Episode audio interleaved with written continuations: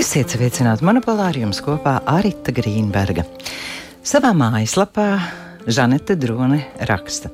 Iepriekšējie desmit gadi man ir bijuši liels iekšējs pārveides laiks, kur ir sekmējis gan mans ilgi meklētais un beidzot atrastais aicinājums, dāvana, ko ar tik milzīgu prieku līdzdalu ar pasauli, gan garīgās izaugsmes ceļš kopā ar labākajiem skolotājiem, gan uzticamākie līdzgaitnieki, mans vīrs, tuvinieki un draugi, gan patiešām smagi triecieni manā privātajā dzīvē. Taču, kā zināms, lielas ciešanas un liela mīlestība ir mūsu spēcīgākie skolotāji ceļā uz labāku sevi. Žanets aizraušanās un mesli paudzēm, kuras dzīvojušas viņas dzimtas mājās pirms viņas, ir biškopība. Ik viens draugs tiek stiprināts ar viņas un bišu kopdarba rezultātu, dabas liegumā vāktu medu. Un vēl Žanete ir viena no sabiedriskās iniciatīvas Zvaigžņu bērni dibinātājām. Monopola viesne šovakar ir integrālais kočs un līderības pasniedzēja Žanete Drone. Labvakar! Labvakar! Žanete, trīs mēnešu ārkārtas situācijā. Tagad esam mazliet, mazliet tā kā atvieglināti, uzelpojuši, bet paši zinām, ka nekas jau nav beidzies. Kā jums liekas, kādas pēdas visos kopā un mūsos katrā atsevišķi šis laiks atstās? Um, es varu runāt tikai par to, ko es ceru, kādas pēdas tas atstās. Es nezinu, vai tas tā būs. Es varu tiešām tikai cerēt. Un, uh, ir arī uh, šādas tādas vēsmas, kas par to liecina, ka mēs patiešām uh, kaut ko būsim mācījušies un kaut ko savā apziņā mainījuši. Un es domāju, ka tā galvenā lieta, ko gribētos, ka mēs patiešām ieraudzītu to visu tādā kopsakarā, gudrā vārdā sakot, sistēmā, kā mēs visi esam saistīti. Un tas, kas notiek vienā pasaules malā, patiešām ietekmē arī mūsu. Kaut gan mums var šķist, ka nu, tas, ka pasaule šobrīd ir, mēs izmantojam apmēram pusotru reizi vairāk dabas resursu, ko, vispār, pas, ko, ko Zeme spēja vispār reģenerēt, ja, un, un daudz citas lietas. Un mums šķiet, nu, mēs pie tā īsti neesam vainīgi te Latvijā. Nu, mēs dzīvojam savās viensētās, maz apdzīvotā zemē, un, un nu, mēs neesam nevienu dzīvnieku sugu nīcinājuši, nevienu iešļūcenu okeānā metuši. Bet nu, jautājums ir, kurš to ir darījis? Un tad, kad mēs sākam meklēt, kurš to ir darījis, mums to pirkstu tomēr nākas pagriezt pret sevi, jo tas, tas, tas, tas kaut kas, tas kaut kurš ir tāds daudzskaitlīgs mēs, jo mēs visi kaut kā tajos procesos piedalāmies, kaut vai pērkot un, un lietojot uzturā kaut ko, kura radīšanā ir nepieciešams kaut kas, kas, kas iznīcina dabas resursus. Es domāju, mēs visi kopā esam, nu, diemžēl, izjaukuši uh, ekosistēmas spēju pašai reģenerēties. Un es domāju, šis vīruss arī bija tāda nu, bioloģiska atbilde uz to. Uz to mūsu rīcību, faktiski uz tām mūsu sociālās un ekonomiskās rīcības sekām, nu, kādas, ko mēs esam gadu, gadu uh, simtiem faktiski piekopuši. Vienīgi tas mērogs šobrīd ir nu, nepieredzēts iepriekš. Tas ir pieklāvējies pie, pie katrām, katrām durvīm. Tāpēc tas bija vajadzīgs katrā mājā, katrā būdiņā un katrā pilī. Es uh, nezinu, vai tas bija vajadzīgs. Nu, es, es nedomāju, ka tā ir kaut kāda kataklizma, kas mums ir uzkritusi. Es patiešām to redzu tikai kā cilvēku pašu tādas aktīvas, nu, iespējams, arī daļai neapzinātas rīcības sekām. Es nedomāju, ka tas ir kaut kas, kas mums ir uzkritis tā, nu, nezinu no kurienes, ja, atsūtīts, ka tā ir, nu, tās ir sekas. Uh, visu mūsu iepriekšējo pauģu un arī mūsu tā skaitā rīcībai. Tas ir tas, kā es to redzu, un, un tāpēc droši vien jā, nu, tas ir neizbēgami, ka kaut kad pieklauvēs pie katras būdiņas, un Covid ir pieklauvējis. Covid ir pieklauvējis. Kas notiks tālāk? Vai jūs esat tā kā optimiste šajā virzienā, ka mums uh, būs mācība, bet tomēr otrs scenārijs varētu būt tā, ka nu, ar laiku atkal situācija normalizējas, mēs izējam cauri kārtējai krīzei un atgriežamies vecajās sliedēs un dzīvojam lēmīgi tālāk. Es domāju, otrais variants šobrīd, bet es esmu milzīgi optimiste. Milzīgi optimiste. Man liekas, ka uh, tas uh, fakts, ka mēs aizvien vairāk dzirdam tās balsis pasaulē, kas runā par to, ka, ka vienīgā izēja, vienīgais neizmantotais resurss ir tas, kurš neko nemaksā. Tā ir tā mūsu sajūta, ka tas, kas notiek ar tevi, notiek arī ar mani. Eh, es būšu laimīga tikai tad, kad tev viss būs labi, kad tev nebūs, eh, ka tu nepiedzīvos ciešanas. Un vienalga, kur tas notikt, ja mums var šķist kaut kur tālu pasaulē, nezinu, kādās, eh, kā kādreiz pieņem, pieņemts bija teikt, ja, un tagad varbūt tas vairs nav tik pieņemam teikt trešās pasaules valstis. Ja ka, piemēram, pārapdzīvotība, nu, kas lielākoties ceļā šajās valstīs, it kā tas uz mani neatiektos, bet man jāsaprot, nu, tie ir cilvēki, kuriem arī būs nepieciešami dabas resursi izdzīvošanai, pārtikšanai un tā tālāk. Un mums ir viens mājas. Un tā ir zeme. Un tā, es esmu ļoti optimistiska tajā, ka ir, uh, ir ceļš, ir ceļš, kā no tā iet ārā, un es domāju, mēs līdz tam ceļam aiziesim. Uh, bet šobrīd šīs paudzes laikā aiziesim, vai nākamajās paudzēs? Es domāju, ka tas uh, nākamajām paudzēm tas, uh, tas būs daudz par vēlu. Ja mēs to nespēsim tagad, es domāju, tas, ko mums zinātnieki ir uh, klauvējuši pie mūsu durvīm gadu desmitiem, mēs beidzot to redzam ar savām acīm. Un jācer, ka ka tas, ko mēs piedzīvojām tagad pandēmijas laikā, ka tomēr cilvēki ir spējīgi uz lielu vienotību ļoti ātri ka pietiktu arī tā politiskā griba, un kas būtu pats galvenais, ka arī vēl organizācijas un korporācijas, kas stāvēs tā, kuras ir dzinušās pēc, pēc ātras peļņas un, un, un lielāka patēriņa, ka, ka, ka šie, šis te lielais virzītājs spēks būtu tas, kas maina. Un, un man liekas, tā cerība tieši šodien man bija saruna ar saviem kolēģiem Francijas biznesa skolā. Un, kā tāds ļoti pozitīvs signāls ir, ka lielie investīciju fondi uh, vairs nevēlas investēt uh, kompānijās, kuras iegūst ogles un naftu, bet vēlas iegūt, uh, ieguldīt uh, energo kompānijās, ja, kas, kas ražo savādāku veidu enerģiju. Un es domāju, tas ir tas, kas mums vajadzīgs. Jo ar tādiem cilvēkiem kā es un, un jūs, mēs, mēs gribam, mainīsim, mēs visi esam vienoti. Ja. Tas ir jauki un mums ir vajadzīgs politisks un arī šis te, nu, kor korporācija atbalsts. Un tas pamazām notiek tā, ka esmu ļoti optimistiski. Ja mēs runājam par šiem trim mēnešiem tieši jūsu personiskajā dzīvē, jūsu darba dzīvē, kā jūs pati aizvedījāt šos mēnešus, un varbūt arī kāda jauna atziņa ir radusies? Es aizvedīju laukos, es uh, devos projām jau tiklīdz varēju marta, marta vidū, un faktiski esmu šonadēļ atpakaļ tā Rīgā atgriezusies, bet uz īsu brīdi. Jo mans darbs, kas ir uh, darbs ar, ar, ar studentiem, un Francijā ceļot, es nevaru, studenti kopā nevar uh, sapulcēties, un līdz ar to, nu, teiksim, tāds mans pamatdarbs vienkārši nenotiek uz kādu laiku, un mēs arī nezinām, kad tas atsāksies, vai tas atsāksies. Šobrīd ir ļoti liela nenoteiksme. Un es pavadīju laiku laukos, kā nu, ar ļoti cikliski, ar, ar tādu nu, sākotnēji nu, neziņu, neskaidrību, kā būtu, tad ar mēģinājumiem padarīt katru dienu ļoti nu, teiksim, tādu jēgpilnu, ja šis ir tas laiks. Uh, bet, uh, bet, bet, protams, ka tā privileģētības sajūta, es runāju ar kolēģiem, jau mēs darbojamies Zūmā, un es redzu, tur viens ir no Singapūras, mazā, tur desmit kvadrātmetru betona kastē, ja viens ir Parīzē, un domāju, es redzu pa logu tos zaļos laukus, tos mežus, tos vilkus, tos lāčus un tas ir baigi iemidzinoši. Nu, tā ka vienā brīdī šķiet, eh, ka, ka man vajag kaut kādu kontaktu vairāk ar pasauli, jo man liekas, viss ir kārtībā. Un vienā ziņā ir, nu, dabā viss bija kārtībā, ja tur, kur es biju, bet tas bija tā mānīgi, un par to es, tam es pievērsu uzmanību, ka tā neiemidzāties ar tiem lauku darbiem, ja, un, un tā vienkāršā dzīve, un viss ir tik jauki, tas ir ļoti mānīgi. Nu, es atkal par to sistēmisko domāšanu. Bet es atkal par to pašu gribu turpināt, ja iemidzinoši, vai tad tagad arī nav mazliet iemidzinoši? Salīdzinoši, kā es arī saviem draugiem reiz teicu, mēs katrs savās mājās, cits laukos, kurš varēja aizbraukt, cits savā dzīvoklī pie pilna leduskapja, siltumā, ar grāmatām, ar televizoriem, ar mūzikas ierīcēm. Kāda vaina? Varbūt dzīvojam tikai tālāk, tas nav iemidzinoši. Uh.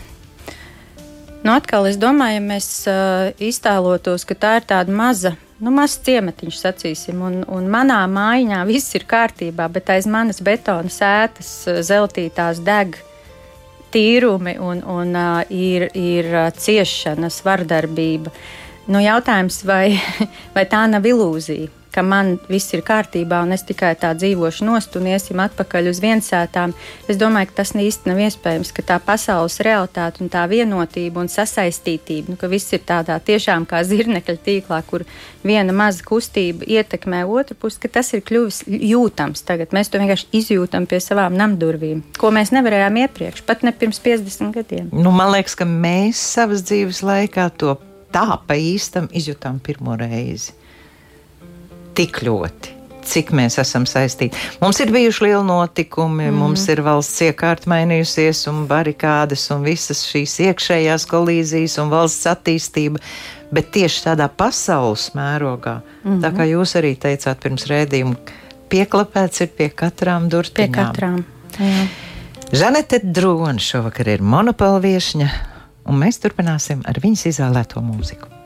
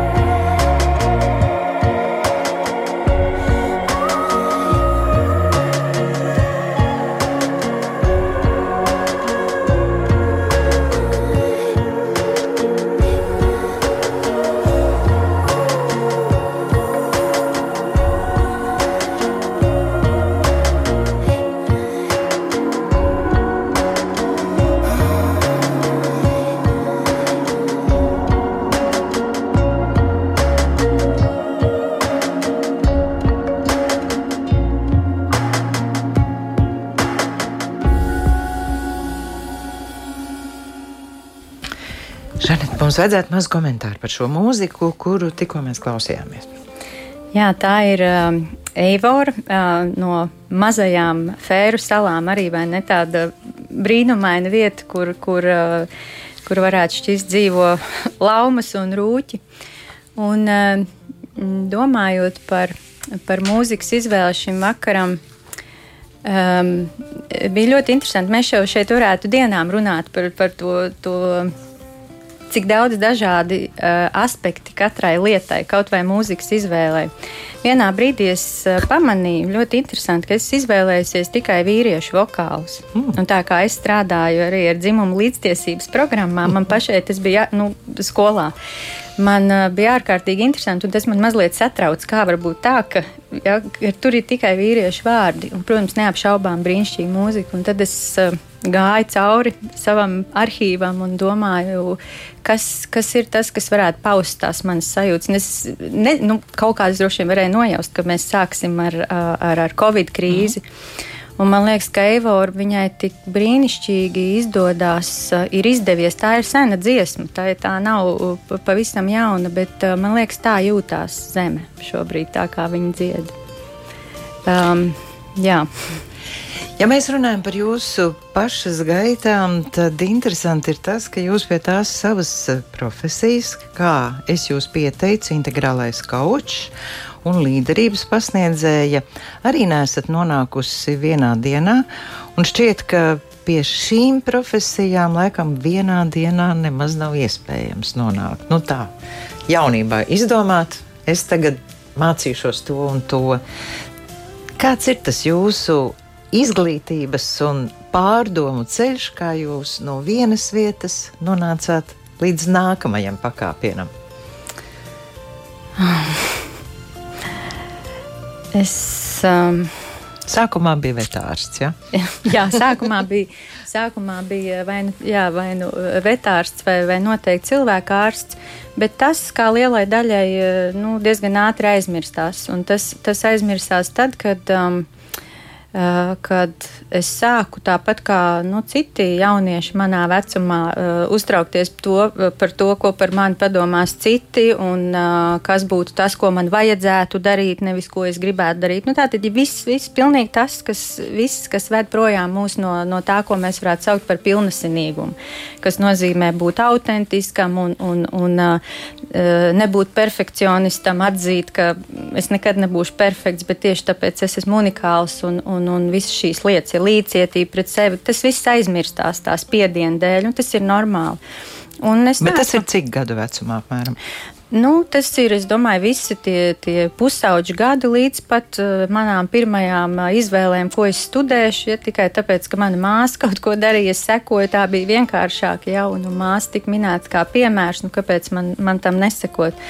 Un arī uh, ir um, bieži dzirdēts, vai ne tas, ka nu, vajag doties arī tur, kur tā viegli, nu, kur nav tāda milzīga pretestība. Ja, tagad es domāju pavisam savādāk, ja, ka reizēm tas, kur mums tas uh, zvārgulis skan un kurš ir viegli paņemams. Es domāju, ka tas ir tāds nepieciešams posms, kuram ir jāiziet cauri. Un es domāju, ka mana sākotnējā karjera, ja, kas bija saistīta ar, ar, ar komunikāciju un, un nu, jā, ar komunikāciju, es biju ļoti veiksmīga tajā, un man arī patika, bet tomēr.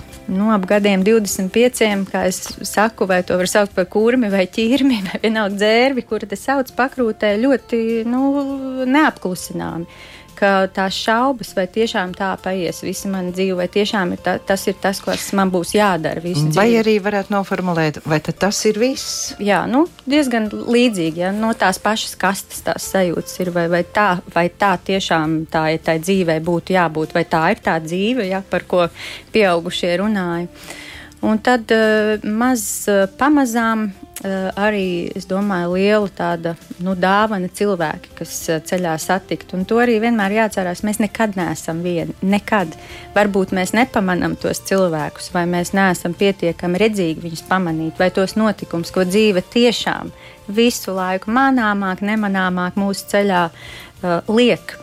Tad tas ir arī mans gadījums, un, un um, man ir paveicies ar tiem cilvēkiem apkārt. Nu, es esmu vienmēr daudz runājusi par to, kā es jūtos, es domāju, ka viņi man arī palīdzēja nu, kaut kā nebaidīties no tām sajūtām un neteikt, jo tas arī viena liela nelaime, ka, ka bieži mēs pasakām, par ko tad tev uztraukties. Tev viss ir kārtībā, skaties, ja kāda tev ir izglītība, vienalga, māja, mašīna, vīrs, vienalga, kas tas būtu. Jā, par ko tu nespļauj, nespļauj, nespļauj dievam acīs. Jā.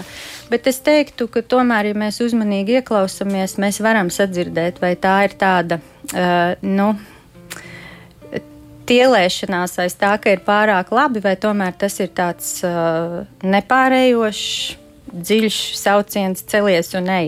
Un es esmu piedzīvojis to mirkli, kad ir tā celšanās un iešana. Ļoti grūti, protams, spērt to soli no tās vietas, kur ir droši. Tas pamats tur ir, tas pamats neapmierina, bet priekšā ir aiza. Uh, Un, nu, es to soli spēru. un ir, ir bijis tas, tas mirklis, tas posms, kurā ir pilnīgi tīrs galds un pilnīgi nekas nenotiek. Ja? Un, un, um, nu, bet, ja konkrēti, ko jūs mācījāties uh, māsai līdzi? Mana pamatā pirmā mana izglītība ir, es esmu sociālais pedagogs. Ja, pēc tam, pēc sociālās pedagoģijas, studēju komunikāciju uh, Anglijā. Un arī darbojos šajā jomā. Sociālais darba pedagogs neesmu bijis nevienu, reizi, nevienu mirkli, un kaut gan tas ir ļoti interesanti, jo sociālā pedagoģija, es domāju, nav tā gluži, ziniet, kādreiz cilvēks saka, es uh, devos studēt uz fizmatiem, bet gāju gar baleta skolu un iestājos baleta skolā. Es domāju, ka arī uh, varbūt es to skaidroju, ka es sekoju māsai, bet lielā mērā es domāju, tā bija tāda taustīšanās pēc tā, ko es daru, jo pēc būtības jau sociālais pedagogs arī palīdz, ja, un arī atbalsta, un, un, un vismaz vajadzētu ja, palīdzēt, iet cauri. Nu, tas ir tas, procesiem. ko es saku, vai ne? Tas nākamais pakāpiens, ka varbūt jūs tajā, nu, nezinu, 18 gadu vecumā pēc vidusskolas nevarējāt kļūt uzreiz par integrālo kauču. Noteikti nē. Nu, ja? Jā, bez dzīves pieredzes ļoti grūti strādāt tajā profesijā. Jūs minējāt arī cilvēkus, kurus mēs reizēm manām, reizēm nepamanām. Vai jūs būtu mieru nosaukt kādu cilvēku, kas jums ir krustcelēs stāvējuši blakus un varbūt tomēr mazliet tā kā parādījuši, kur iet? Jā, es zinu tos cilvēkus, un esmu viņiem bezgalīgi pateicīga un vienmēr būšu. Un viens uh, cilvēks, kurš uh, man ir bijis klāt uh, šajās izvēlēs no pavisam agrām dienām, tā viennozīmīgi ir mana mamma. Tad vēl mm, viennozīmīgi visi Tornkalnu mācītāji, sākot ar Juri Rubeni, tagad vairs ne Tornkalnu mācītāji, uh, Kasparu Simonoviču, Linārdu Rozentālu, Indulu Paiču. Un, un arī ļoti interesanti, ka kāds cilvēks, kas, ar kuru es savulaik strādāju kopā, kad es vēl darbojos Latvijas telekomā, tā bija mana viena no pirmajām darba vietām. Uh, Uh, un, uh, viņš, ir, uh, viņš ir īrs, jā, viņš šeit uh, strādāja, bet devās atpakaļ uz, uz, uz um, uh, Lielbritāniju. Un, uh, mēs saglabājām tādu ciešu kontaktu gadu gaitā, un ik pa brīdim satikāmies. Viņš vēroja, viņam patīk, un viņš man atbilst, atbalstīja tajā, tajā, ko es daru. Uh, Uh, tas ir Deklans Fitzsimons, es viņu gribētu pieminēt. Un, uh, tieši viņš pirms trijiem gadiem, nu jau gandrīz četriem, uzaicināja mani strādāt uz Franciju, uz patiešām vienu no spožākām skolām pasaulē. Tas nebūtu bijis iespējams. Un es pat tādu mērķi nebūtu varējis stādīt, jo es droši vien domāju, man jau nav tas Oksfords diploms, ja, lai es tur kādam kvalificētos. Bet, uh, tāpēc es saku, mēs nekad nezinām, ja, kā šie cilvēki nu, viņu ceļi, kā attīstīsies un, un kas notiks tālāk. Un, un, um, protams, visticamāk, viņš mani nevarētu tur aicināt, ja es to darbu nevarētu darīt, bet tas ir bijis garš process, 20 gadu ilgs process katram no mums. Nu, šobrīd noteikti tas ir mans vīrs. Kristaps. Nu, tā cilvē, es esmu svētīta ar cilvēkiem. Ja? Tāpat māsa, nu viss tuvinieki. Bet tagad, pirms pandēmijas, kāds tad jums bija tas darba režīms? Jūs sakāt, Francijā, tad jūs tā kā divās valstīs dzīvojāt. Jā, jā. Apmierināja šis režīms? Apmierināja. Apmierināja. Jo tas nebija visu laiku dzīvot. Droši vien es nevarētu un negribētu, bet aizbraukt un atbraukt man, man patika. Tagad mūsu sarunā iesaistīsies kāds cilvēks. Paklausīsimies! Žaneti pirmo reizi pamanīju apmēram pirms desmit gadiem Tornkalna baznīcā. Vēlāk piedalījos vienā viņas vadītajā seminārā un atceros, ka nodomāju pie sevis, ak, kaut man būtu kāds iemesls iepazīties tuvāk. Mūsu ciešāka draudzība sākusies pateicoties tam, ka Žanetes un Kristapa jaunākā meita Marta apmeklē mūsu vadītās apziņotības nodarbības bērniem. Un vēl mēs ar Žaneti jau trešo gadu mācāmies Lasāla kontemplācijas skolas Vija integrālas kontemplācijas skolotāju programmā. Un šajā programmā mums ir iespēja vienai otru iepazīt ne tikai apbrīnojot ārējos darbus, bet mēs kļūstam patiešām par sirds atvēršanās ceļabiedriem un lieciniekiem viens otram. Žanete ir globāli domājošs cilvēks, cilvēks, kuram interesē un rūp pasaules un cilvēces nākotne. Cilvēks, kurš ne tikai domā vai runā par to, bet kurš ir ļoti drosmīgs, nebaidās vadīt, rīkot un piedalīties dažādās iniciatīvās. Manuprāt, Žanetei piemīt īpaša spēja, dabas dota dāvana sajust cilvēkus, apvienot viņus komandās, motivēt un būt patiesi ieinteresētai katra cilvēka izaugsmē. Viena lieta, par ko es abrīnoju Žanetu, ir viņas vieglums. Vienmēr ir ļoti, ļoti patīkami atrasties viņas tuvumā. Es ceru, ka jūs pazināt, pateiksim arī klausītājiem, ka tā bija. Inese Strante, brīnišķīgā, brīnišķīgā Inese Strante. Jā, es piebildīšu, ka viņi ir klusuma skolas vadītāji un apziņotības skolotāji, un savukārt jūs kopā mācāties kontemplācijas skolā. Un, ja jums vajadzētu tagad tādos vienkāršos vārdos izstāstīt, kas tas ir, ko jūs mācāties? Man, un par ko jūs gribat kļūt? par ko mēs ar Inesu gribam kļūt? Eh, man gan jāteic arī, ka ir, eh, man ir diezgan mm, eh, bīstami atrasties ar Inesu vienā telpā, kur mēs mācāmies. Jo viņa ir tas cilvēks, es zinu, ka kāds ir teicis, kā var būt tik, tik iekšēji un ārēji skaists cilvēks. Viņa tāda ir, un es vienmēr uz viņu skatos, un tas novērš man uzmanību no tā, ko mēs tur darām. Tas, ko mēs mācāmies, uh, uh, grūti pateikt, par ko mēs gribam kļūt. Jautājums, vai mēs kļūsim, jo tas nav tāds, nu, ka tu varētu iemācīties uzcept kūku. Tā tomēr ir mācīšanās caur praksi, uh, ļoti dziļu un smagu praksi. Uh, un, un nodoms ir, ka četru gadu laikā mēs būtu tik dziļi izpraktizējuši un, un izda, ar sevi uh, strādājuši, protams, ņemot vērā arī visus uh, daudzos gadus pirms tam. Uh, kas ir darīts šajā savā transformācijas un attīstības ceļā. Un nodoms ir kļūt par kontemplācijas, jeb šo varbūt cilvēkiem labāk saprotamais vārds meditācijas skolotājiem. Tas ir tas lielais nodoms, uz kuru mēs neatlaidīgi virzamies kopā.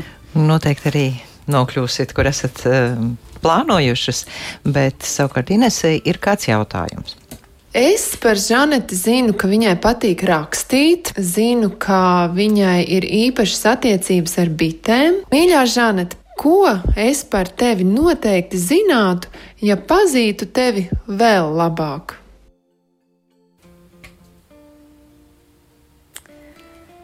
Ko tu Ines par mani zinātu, un tu pazītu mm. mani vēl labāk? Man liekas, ir maz tādu lietu, kuras es. Uh, kuras es um, nepaspēju izstāstīt cilvēkiem, ar kuriem es esmu kopā. Man mazliet jāpadomā. Um,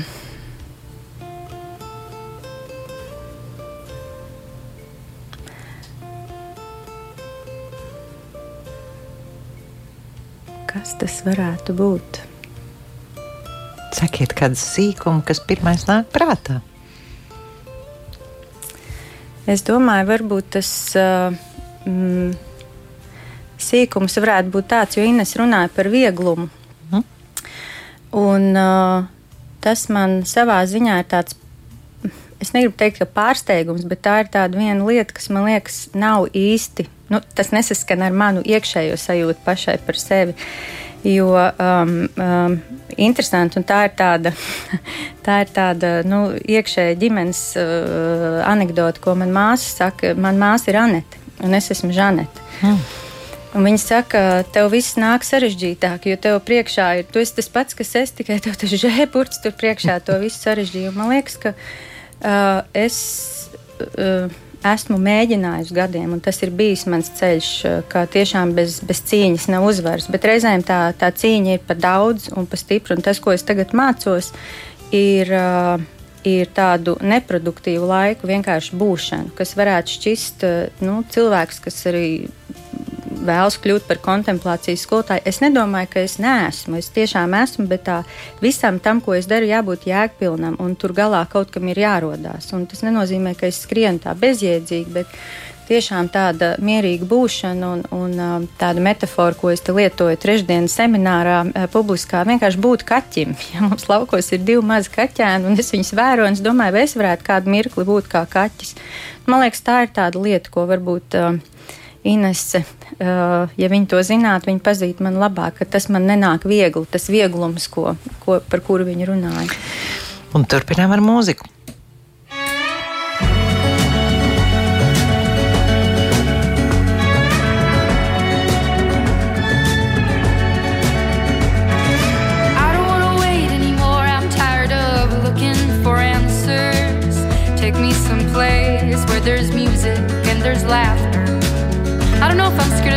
I'm scared of living too fast, too slow. Regret, remorse, hold on. No, no, I gotta go. There's no starting over, no new beginnings. Time raises on. Just gotta keep on keeping on. Gotta keep on going, looking straight out on the road. Can't worry about what's behind you, what's coming for you further up the road. Try not to hold on to what is gone. What is wrong. I try to keep on keeping on. Yeah, I just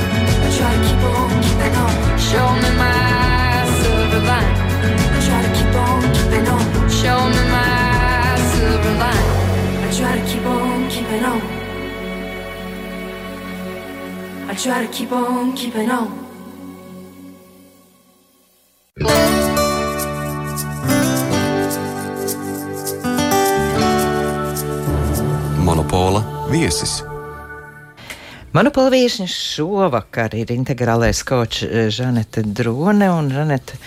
Ir kāds stāsts arī par šo mūziku, kur mēs tikko klausījāmies. Jā, nu, mani uh, nebeidz pārsteigt uh, šīs sarunas, dažādi šie sin sinhronitātes momenti. Mēs tikko runājām, mēs nevarējām zināt jautājumu, ko uzdos Ines, un es daudz kādu pauzi domāju, kādu mirklī domāju, ko, kas ir tas, ko es patiešām gribu pateikt par to vieglumu.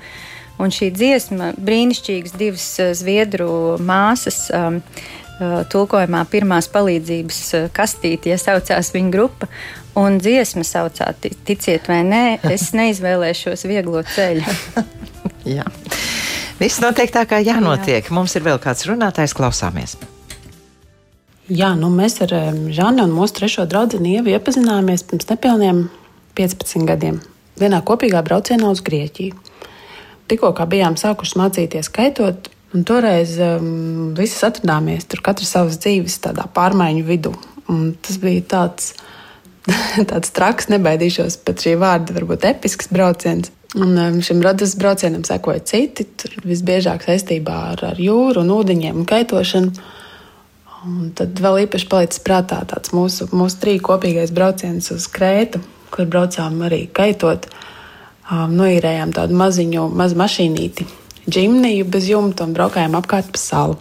Nu, agrāk es domāju, ka tādi tuvie sirds draugi nāk tikai no pašas bērnības, bet, nu, redz, kā izrādās, tā nav. Es pat nevarētu teikt, ka mēs esam tādas, vai kādreiz pat būtu bijušas tādas nešķiramas draudzenes. Un mēs varam nesatikties vai pat nesazvanīties mēnešiem ilgi. Mm, bet tad, kad atkal satiekamies, tad ir tā sajūta, ka var turpināt to sarunu, ko mēs pagājušā reizē nepabeidzām. Un kad kaut kādā līmenī nekas nav mainījies. Nu, Žaneta man ir īpašs cilvēks, un ir arī daudz tādu lietu, par ko es viņu, viņu ļoti apbrīnoju. Un viena no tādām, laikam, ir tāda viņas enerģija un vitalitāte. Un tas viss, ko viņa spēja paspēt un, un izdarīt, nu, tas, tas tiešām ir par to var tikai brīnīties. Viņai piemīt arī tāda īpašība kā tāds noturīgums, jeb izturīgums un neatlaidība. Un tā ir tāda spēja turpināt iesākt to par spīti apstākļiem un, un neapstāties. Nu, ko droši vien arī es ļoti, ļoti gribētu no viņas iemācīties. Pazināt šo cilvēku? Nu, Zanīt, protams, jeb zaņuku. jā, jā un, un es piebildīšu Zanu Vārpiņu. Nu, īpašais cilvēks, es domāju, ka jums arī pašai ir tādi īpašie cilvēki. Kādam ir jābūt cilvēkam, lai viņš varētu būt jūsu draugs un noturēt to draudzību un uzmanību ilgus gadus.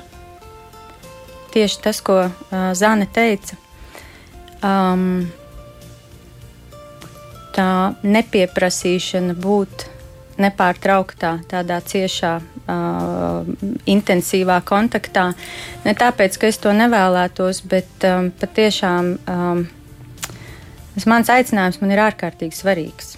Mm, būt blakus tiem, kas vēlas vai ir transformācijas ceļā, un, un šobrīd tas mans aicinājums ir iegūs uh, citu dziļāku, vēl vai plašāku dimensiju, kas ir tādas rūpes un domas par to, kā to varētu ne tikai individuālā līmenī, bet tādā kolektīvā transformācijas ceļā, kas mums ļoti vajadzīgs, par ko mēs runājām.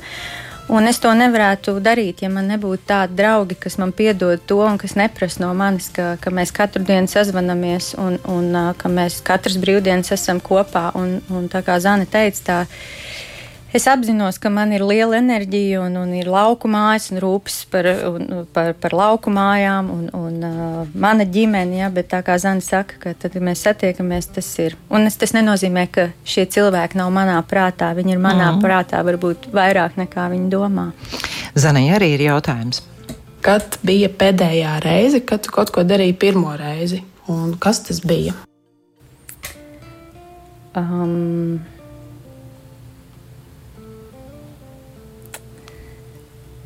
kaut kas, ko es darīju pirmo reizi, un, un kas tas bija. Es uh, domāju, ka es varētu pastāstīt tādu pavisam eh, nesenu lietu no, no šīs nedēļas. Tā varbūt nav liela lieta, bet man ļoti, ļoti nozīmīga lieta. Un tas nebūs uh, mācīties uh, kaitot vai, vai vēl kaut ko darīt. Šobrīd, kā jau teicu, man svarīgi ir nedaudz attēlot kaķi. Uh, bet trešdien es vadīju semināru, webināru Lampā kopā ar Lampu. Un pirms semināra es domāju, semināra tēma bija pilnesinīgums un, un pil, pilnesinīga dzīve tagad, tādā sarežģītā, nezināmā, nedrošā laikā. Uh, Un ir viena lieta, kam es ārkārtīgi ticu. Es saprotu, ka tas ceļš ārā un, un tā spēja mums kā tā kolektīvi un kopīgi iet cauri uz, uz, uz citu nākotni un, un veidot to patiešām tādu labbūtīgu mūsu, mūsu bērniem, mums pašiem galu galā, ir apziņotība. Es šos cilvēkus nepazīstu, un es arī viņus nevaru redzēt, jo tas formāts ir tāds, ka es redzu tikai sevi. Uh, Un, uh, es ilgi svārstījos par to, vai cilvēkiem, kuri nāk uz šo semināru, neko nezinādami, nu, es viņus nezinu, un es nevaru viņus teiksim, tā sajust, jo es viņus neredzu. Sākt ar tādu nu, diezgan ilgu uz tā visa laika fona apziņotības vingr, vingrinājumu, ja, tādu praksi. Uh, Un patiesībā tas ir kaut kas, un īsi vēl pirms tā webināra - darīt, nedarīt, darīt, nedarīt. Un tad es vēlreiz un vēlreiz aizgāju apkārt tajā. Žanete, pilnesinīgums nozīmē dari to, ko tu jūti. Nevis, kas tev jādara, bet mm -hmm. Tas, tu, kam tu ļoti tici, ja, un, un kas, kas tev ir svarīgi un kas, ir, kas parāda to tavu autentiskumu. Un es ļoti, ļoti lepojos ar to, ka es to izdarīju, un, un es saņēmu arī nu, labas atsauksmes, un, un tas man ļoti, ļoti iepriecina. Tā, tas ir kaut kas, ko es darīju pirmo reizi. Pārvarēju tādu, kā, nevis kā būtu nu, pieņemami vai kā būtu jādara, bet tas, kam es ticu. Kā jau es ievadā minēju, jūs esat arī viena no sabiedriskās iniciatīvas zvaigžņu bērnu dibinātājām. Šī tēma ir ļoti smaga, tādēļ, ka tā jums ir ļoti personiska, bet es zinu, ka jūs par to runājat, jo jūsu puisīts Miķels ir zvaigžņu bērniņš. Es vaicāšu tā. No tā brīža, kad ar jums pašu tas notika personiski, līdz šim brīdim, kad ir šī zvaigžņu bērnu iniciatīva, uh, kas reāli ir mainījies, kas ir izdarīts eh, šo vecāku labā. Būtiskākā lieta, ļoti, ļoti svarīga lieta ir, ka uh, ir radīta tā likumdošanas bāze, ka faktiski jebkurš vecāks uh, var atvadīties un, no sava bērna tā, kā viņš to vēlās. Viņš var apglabāt savu bērnu neatkarīgi no tā laika, cik ilgi šis bērniņš ir, ir, ir bijis gaidīts. Jo iepriekš tā, tas cens bija seši mēneši, un ja tas notiek dienu pirms vai, vai, vai šis mazais bērniņš nesver noteiktus gramus, tad, tad tie ir medicīnas atkritumi, kas, protams, vecākiem nav pieņemami. Un, uh, mums izdevās, un es atkal gribu atgriezties pie tā, Bet ka pagaidiet, mēs. Tas tagad ar likumu tā ir noteikts. Jā, jā. Ka, ja vecāki izsaka ja vēlās, vēlēšanos, jā. tad viņi var Jebko, jā. atvadīties. Jā. Jā. To ir vēlreiz, vēlreiz svarīgi atcerēties, zināt, ka tādas tiesības vecākiem ir. Abiem vecākiem, mammai, tētim, tam, tam nav nozīme. Jā. Tā, tas, tas ir jāzina. Un, teiksim, ar apglabāšanu, kur var apglabāt bērniņu? Ar apglabāšanu tā, ka uh, patiesībā nu, tas arī paredz to, ka, uh, ka uh, sacīsim, mūsu gadījumā arī Miķels uh, tika, tika kremēts, un uh, mēs pelnus nolēmām uh, izkaisīt uh, topošajā dvēseles dārzā Torņkalnā. Uh, Tāda vēl viena vieta ir bijusi pie uh, Alberta baznīcas, un es jau tā kā pasteidzos priekšā ar pagānas formu, jo, jo tā, teiksim, uz priekšu šie te apbedījumi tur vairs nevarēs notikt no nākamā gada vasaras, tāpēc mums ir vēl jo vairāk uh, jāpasteidzina savs projekts, un, un, uh, un, un mēs vēlamies to nu, līdz tam laikam uh, darīt skaistu pieejamu, ja, šo vietu, lai tas nebūtu tā kā šobrīd. Tas arī ir skaisti arī šobrīd, ja, bet, bet tomēr, lai tā ir tāda, tāda vieta, kurā var šo tādu rituālu atvadīšanos veikt. Bet, Kur protams, ir šī vieta? Toņi pie Toņkalna baznīcas. Bet, protams, ka, ja tie ir, nezinu, skaista vieta, kas jums pašiem patīk, ja, vai, vai vienalga, kas tā ir vecāka izvēle. Tā ir vecāka izvēle jā. Integrālais kočs, par ko mēs šodien visu raidījumu esam runājuši, un ja nu cilvēks tomēr ir ieinteresējies, un ja viņu, nu, varbūt ir aizskāris kāds labā nozīmē teikums no tā, ko jūs esat stāstījusi. Kā tas reāli notiek? Kā jūs strādājat ar saviem klientiem?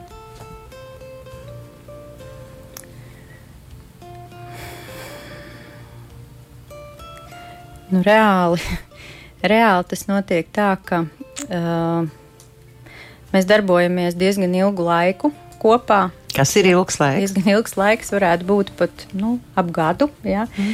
Bet uh, mēs tomēr no šīs robežas nosakām. Tad, kad mums ir skaidrs, varbūt no sākuma mēs mēģinām taustīties, kas ir tā lielā sāpe. Kas ir tas, Respektīvi, ko... nāk cilvēks, kurš grib kādas pārmaiņas, kuram ir visbiežāk, jā, kāda sāpe, sāp. vienalga, vai tas vienalga. ir darbā, vai privātajā Mājās, dzīvē, jā. vai attiecībās visa sākums ir kaut kas, ko cilvēks pamana, tā teikt, tā aizberga virspusē, jā, un tomēr jau strādā. Un viņš ir nolēmis, es tā vairs negribu. Es jā. gribu kaut ko mainīt. Jā, jā, tas ir Tad viņš nāk solis. pie Žanetes, un ko Žaneta viņam saka? Um, Žanete jautā uh, tūkstos dažādus jautājumus, uh, kas palīdz saprast, kas ir tā, kas ir tā pārliecība, vai kas ir tā dziļā, neapzināta pārliecība, kas šim cilvēkam neļauj būt brīvam. Nu, faktiski darīt to, kas ir absolūti pieejams. Ja, jo visbiežāk tie ir tādi mūsu pašu dzīves. Ja, tas nav kaut kas, ko mēs darām apzināti, bet dzīve notiek ar mums. Un mēs dzīves gaitā neapzināti uzrakstam veselu bībeli ar saviem noteikumiem, ko mēs drīkstam un ko mēs nedrīkstam. Un tas ir tas, pie kā mēs mēģinam tikt pie šīm pārliecībām. Uh, bet tas uh, nepie kā nenovest, jo mēs tikai apzinātos, ka šīs, šīs ir tās pārliecības. Mums uh, ir arī jāmēģina praktizēt kaut kas, kas palīdzētu no šīm pār, palīdzētu mums saprast, ka šīs pārliecības nav patiesas. Ja, tam ir vajadzīga prakse. Un es esmu cilvēks, kurš dienu un nakti var runāt par prakses nepieciešamību. Un prakse ir, teiksim, 5-10 minūtes katru dienu darīt kaut ko Nu, ko piemēram, es lūdzu darīt? Nu, vienkārši. Nu, vismazāko nu, piemēru, lai mēs saprastu. Piemēram, 5 minūtes katru dienu sēdēt un uh, piefiksēt pilnīgi visas domas tajās 5 minūtēs un, un sajūtas un emocijas. No tā ir tā apzinātība. Uh, tā ir. Uh, Zana runāja par izturību. Tā būtu viena praksa, tāda maza praksīte, kas ved uz tādu lielu izturību. Ja? Un izturība tādā ziņā, ka spēt izdzīvot šajā laikā. Un tas būtu pirmais, ļoti vienkārši. Pat ja mēs nemākam nosaukt emocijas vārdā, ar to pietikt, jutos struntīgi, jutos labi. jā, pierakst, tas jā, ir. Jāpieraksta dienas grāmatā, mēs pēc tam to pārnājam, tad liekam klāt vēl vienu smaguma uh, teiksim, atsvaru, un tas būtu, piemēram, mācīties saukt emocijas vārdā. Jā, kas tas ir? Nemāk jā, cilvēki. Jā, nemāk. Nemāk. Jā. Nemāk nosaukt, ja nav tā mm -hmm. valoda. Ja, tad es dodu emociju sarakstu, un tad ir brīnišķīgi uh, vērot, kā cilvēks saka, jā, bet tieši tas ir tas, kā es jūtos. Es jūtos uh, nu, neredzēta vai neievērota, ja, vai, vai, vai sīka vai maza. Un, un tas ir tik brīnišķīgi iepratim, uh, es jūtos slikti, jo tas neko nepasaka. Tā ir tāda liela kārta. Žanet, kādas jums ir sajūtas? Nu pat nezinu, kā viņus nosaukt. Klienti negribas skolnieki, audzēkņi, tie cilvēki, ar kuriem jūs strādājat, ja jūs pati no malas pēc tam reāli redzat, šis cilvēks ir mainījies. Viņš atnāk ar mirdzošām acīm. Nezinu, pēc gada, pēc diviem. Kādas jums ir tās sajūtas? Milzīgs gandarījums, milzīgs gandarījums. Man liekas, es vienmēr sev atgādinu, ja tas būtu vienīgais cilvēks, ar kuru tas būtu noticis, viss tas ceļš būtu bijis tā vērts. Par to es saku jums lielu paldies, un paldies, ka jūs atnācāt uz šo sarunu. Lai mums visiem veicas. Turpmāk. Mana palvīšņa šovakar bija integrālais kočs un līderības pasniedzēja Žanete Drona. Vizītkartes sagatavoja Ieva Tīmana, skaņu operators Kristaps Eida, mūzikas redaktora Dats Stalidzēna, sarunu vadīja Arita Grīnberga. Viņai lai jums visiem ir jauks vakars! Atā.